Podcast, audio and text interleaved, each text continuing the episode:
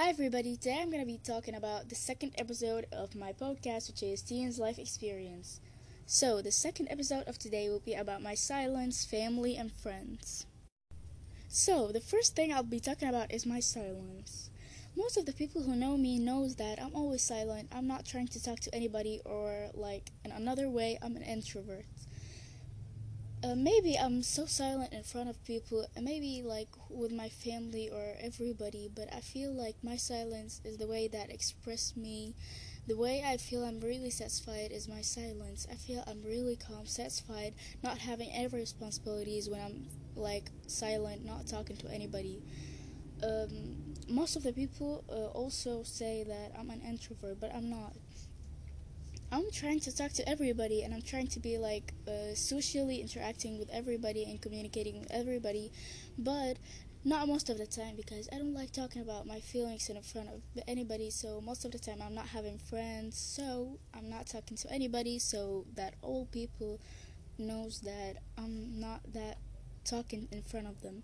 They feel I'm just like shy in front of them, and then I'm like a crazy person in front of other people, but I'm not. Maybe the family or my family are knowing the same way. Like, I'm somehow silent. I don't like to talk to anybody, and maybe most of my feelings are only inside me. Nobody knows anything about them. That's the main idea about my silence. Like, I'm not being silent because I'm afraid of anybody or I'm shy. It's just like um, I feel I'm really and peace, peacefully and well like when I'm doing this and that's the most thing that makes me feel comfortable and in peace and that's all about me. My silence also got me to be in a lot of stress and some problems some days because one day I was like I'm okay with my silence I'm okay and I feel like I don't want to talk to anybody I feel really well when I'm not talking, but this was when I was like in the second grade or the first grade, something like this.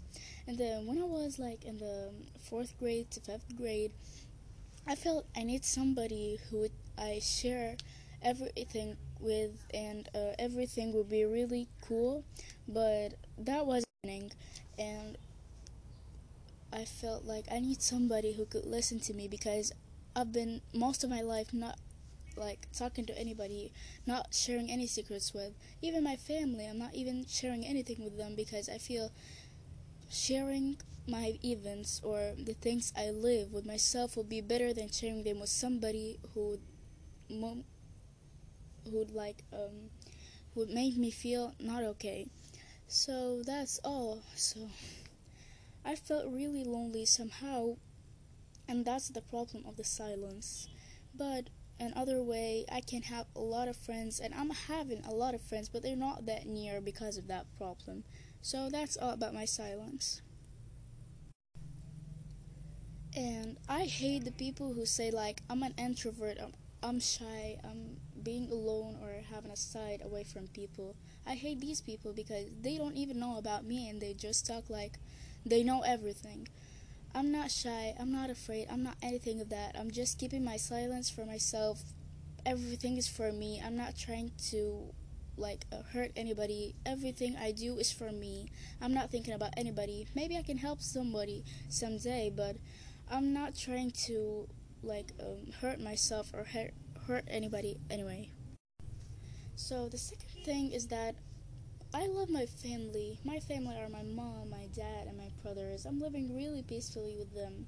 I don't have any problem like with them or something. I'm feeling really cool while talking to them. I'm really fine when I'm just staying with them.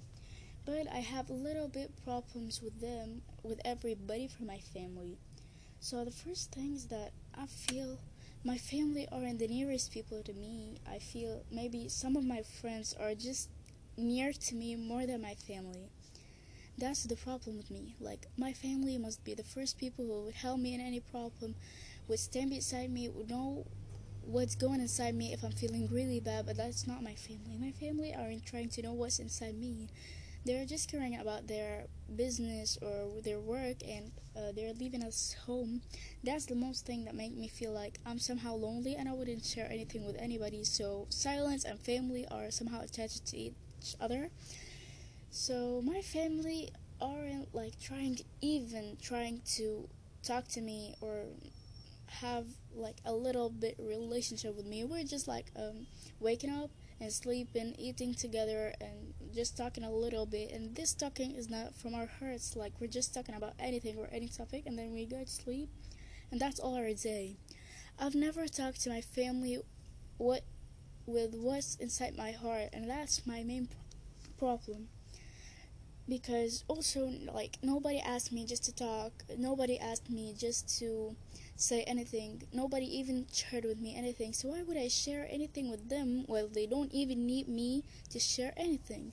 So that's all what i feel i feel my family aren't near for me because of this. And also another problems that will be introduced later in the podcast. And that's all about my family. Also i want to tell you that my brothers are the most nearest people to my heart.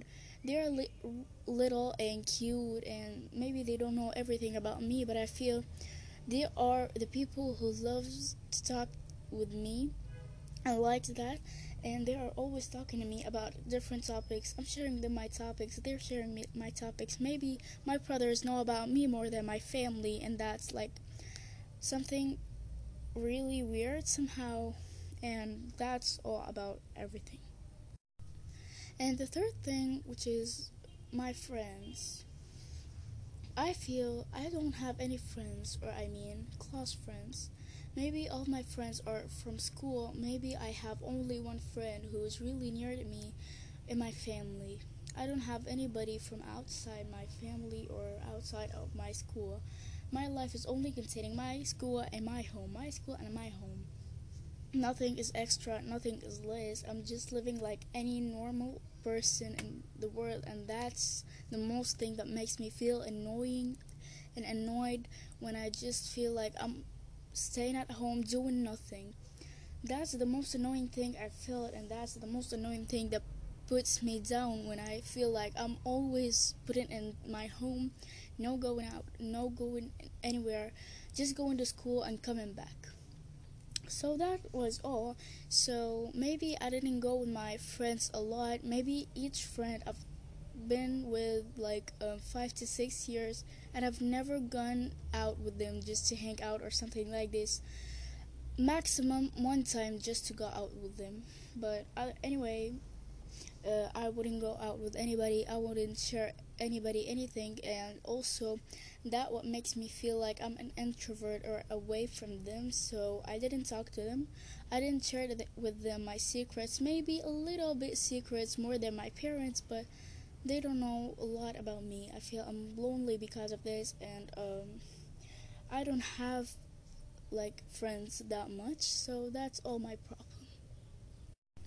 Like few days ago, I feel like I need a close friend who would stay with me. Like let's talk together, let's play together, let's do anything together. But um, I feel I don't have that person, and especially in quarantine or the lockdown, I feel I'm not contacting with anybody or communicating with anybody, even like if there is an event or something like a birthday for somebody. I'm not talking to anybody anyway.